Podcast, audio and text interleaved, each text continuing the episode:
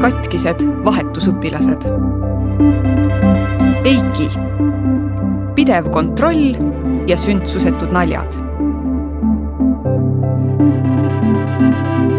Eiki polnud enne vahetusaastat nii tõsiseid vaimse tervise probleeme kogenud. vahetusaasta ajal oli tal paanikahoog ja psühhiaater pani talle diagnoosi, millest Eiki aru ei saanud halvenev vaimne tervis ja vahetusisa seksuaalsed naljad ajendasid Eikit õpilasvahetust katkestama ja poole pealt tagasi Eestisse tulema. Eiki, artisti nimega Flumen, on popmuusik ja tiktokker ning teeb ka podcasti. mõnda tema Tiktoki videot on vaadanud paarkümmend tuhat kasutajat. sotsiaalmeedias räägib ta muusikast, oma mõtetest ja elust LGBT kogukonna liikmena Neid teemasid on ta põiminud ka oma heliloomingusse. kahe tuhande kahekümnenda aasta suvel oli ta valiku ees, kas minna aastaks Prantsusmaale või lükata vahetusaasta koroonapandeemia tõttu edasi. vahetusaasta organisatsioon hoiatas, et pandeemia mõjutab võõrsil elamist. tõenäoliselt ei ole kooliväliseid tegevusi ja õppima peab vähemalt osaliselt kodust. Eiki tahtis jääda Eestisse, ent organisatsioon veenis teda ikkagi minema niisiis lendas Eiki augustis Lääne-Prantsusmaal asuvasse linna Le Mans. esimesed kaks nädalat vapustasid Eikit. sel ajal elas ta asendusperes ühe üksikisa ja tema lapsega, sest Eiki jaoks välja valitud pere vahetusema oli parasjagu reisil. kui Eiki esimesse perre jõudis, juhtus lapsega õnnetus. mis täpsemalt? seda Eiki ei tea sest ta prantsuse keel ei olnud veel piisavalt hea, et aru saada. pere oli traumeeritud ja Eiki tundis end seal väga ebamugavalt. kaks nädalat möödus, vahetusema naasis reisilt ja Eiki kolis asendusperest tema juurde. Le Mans'st mõnesaja kilomeetri kaugusele veel väiksemasse linna nimega Ansigné. vahetusema oli vanem naine, kelle lapsed olid suureks kasvanud ja välja kolinud Eiki arvab, et naine otsis endale vahetusprogrammi kaudu seltsi. linnakeses elas vaid paarkümmend prantslast. osa räägivad vahetusaastast niimoodi, et sa elad väikeses linnas, kui seal on rohkem lehmi või kanu kui inimesi, lausub Eiki. algul oli ta lootusrikas, kuid mõistis peagi, et ta ei saa oma vahetusemaga üldse läbi. Eikit hämmastab, et ta just selle naise juurde elama pandi vahetusaastale kandideerides pidi ta kirjeldama oma hobisid ja meelistegevusi. Eiki mainis, et talle meeldivad kunst ja muusika. isegi lemmikžanrit pani kirja. emaga ühist keelt ta aga ei leidnud. Nad tülitsesid pidevalt. pingeid tekitas see, et Eiki tahtis kooli vahetada.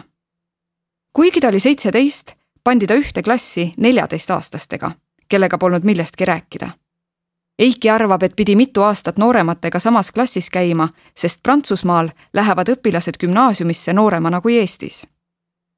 ta soovis minna suuremasse kooli, kuhu oleks pidanud vaid paarkümmend minutit kauem bussiga sõitma. vahetusema oli sellele täielikult vastu. talle tundus, et Eiki ei ole piisavalt tänulik ega väärtusta seda, mida talle võimaldati kuigi Eiki ütles vahetusprogrammile paari kuu jooksul mitu korda, et soovib peret vahetada, hakkas asi veerema alles pärast seda, kui ka vahetusema tõdes, et ilmselt ei suuda nad kümme kuud koos elada. programm leidis uue perekonna ja novembri alguses kolis Eiki linna nimega Tours. paanikahoog koolis. Eiki sai endale kaks vahetusisa see oli mu aastavahetuse parim moment, tõdeb Eiki. ta oli eriti elevil sellest, et LGBT kogukonna liikmena sai ta endale geipere. ta uskus, et vahetusisad mõistavad teda rohkem kui vahetusema. kuigi Eiki läks ka teise kooli, pandi ta taas neljateistaastastega samasse klassi. tal polnud võimalik vanemate õpilastega rääkidagi sest koroonapandeemia pärast oli selline kord, et nooremad käisid koolimajas ühel ja vanemad teisel nädalal. nii et samal ajal, kui koolis olid Eiki vanused õpilased, oli ta ise distantsõppel. üksikutel kordadel, kui kõik õpilased kooli lasti, läks Eiki vahetunnis omavanustega jutustama. kuid pausid olid liiga lühikesed, et sõprust arendada. Eikil oli koolis väga halb. tal ei olnud kellegagi rääkida ja kool ei võtnud kuulda tema soovi klassi vahetada. jaanuari alguses ta murdus. ta tundis klassis istudes, et ärevus aina kasvab. välja minnes hakkas pea ringi käima ja hingata oli üha raskem. elu esimene paanikahoog tekkis mul koolivetsus. ma ei saanud hingata, mul läks silme ees täiesti mustaks, meenutab ta paanikahoog oli seda hirmsam, et Eiki polnud midagi sellist varem kogenud. ta kutsus vahetusisa endale kooli järele ning läks kooli juhtkonna juurde, kus ta saadeti kooliarsti juurde. alles siis küsis juhtkond, mis Eikile muret valmistab ja vestluse tulemusena pandi ta vanemasse klassi. kauaks ta sinna siiski ei jäänud. pidev kontroll ja nilbed naljad paanikahoog muutis Eiki ühe vahetusisa tavapärasest ettevaatlikumaks. kui Eiki tahtis rongiga teist linna avastama sõita, keelas vahetusisa selle ära, kartes, et Eikil tekib rongis paanikahoog. Eiki küll põhjendas, et siis ei saaks isa nagunii midagi teha, vaid halvimal juhul tuleb kutsuda kiirabi. kuid luba jäi saamata. Eiki nendib, et see isa oli üldse väga kontrolliv. ta küll mõistab, et vahetuspere vastutab tema eest kuid kohati läks kontrollimine üle piiri. näiteks nõudis isa, et Eiki käiks kaks korda päevas pesus, peseks kaks korda nädalas oma riideid ja koristaks iga päev oma tuba.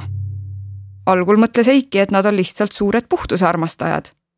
aga jälgimine muutus liiga imelikuks.